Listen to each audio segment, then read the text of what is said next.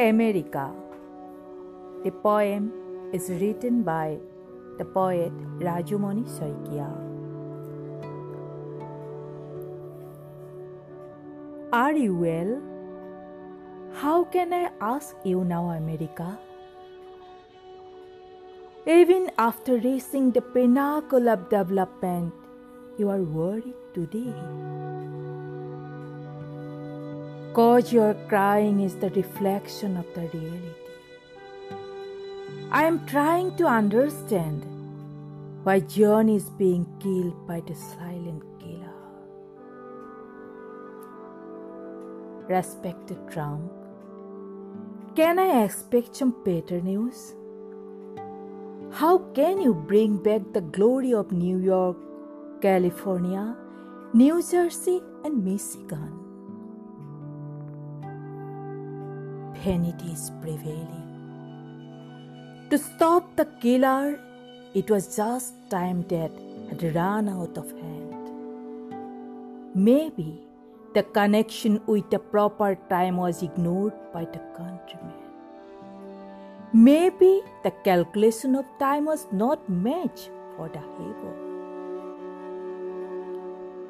The rich soil of my poet friend is now offset and fighting against it. The heart was bled while reading the stories about several dead bodies being arranged for cremation in New York coffin arranged for the soul that had plunged into their deep slumber. Teachers, intellectuals, poets, humanitarians, and citizens are now sleeping inside their cold coffins. No song has been sung in the America since a long time. Carols are not sung with the melodies of ukulele in the vicinity of the church.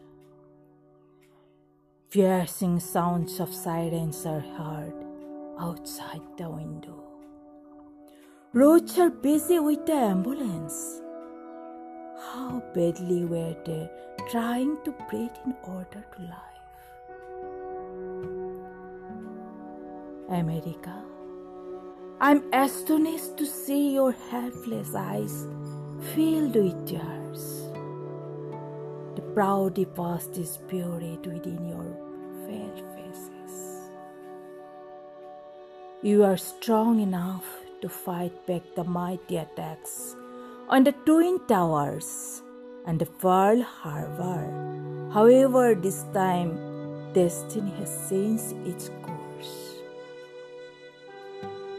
The whole world is now drowned in the chaos and crash of ailing. Development and progress have taken a turn. My friend, keep yourself safe. Be alert. Stay well. May God bless your people. Let time return again to love and poetry.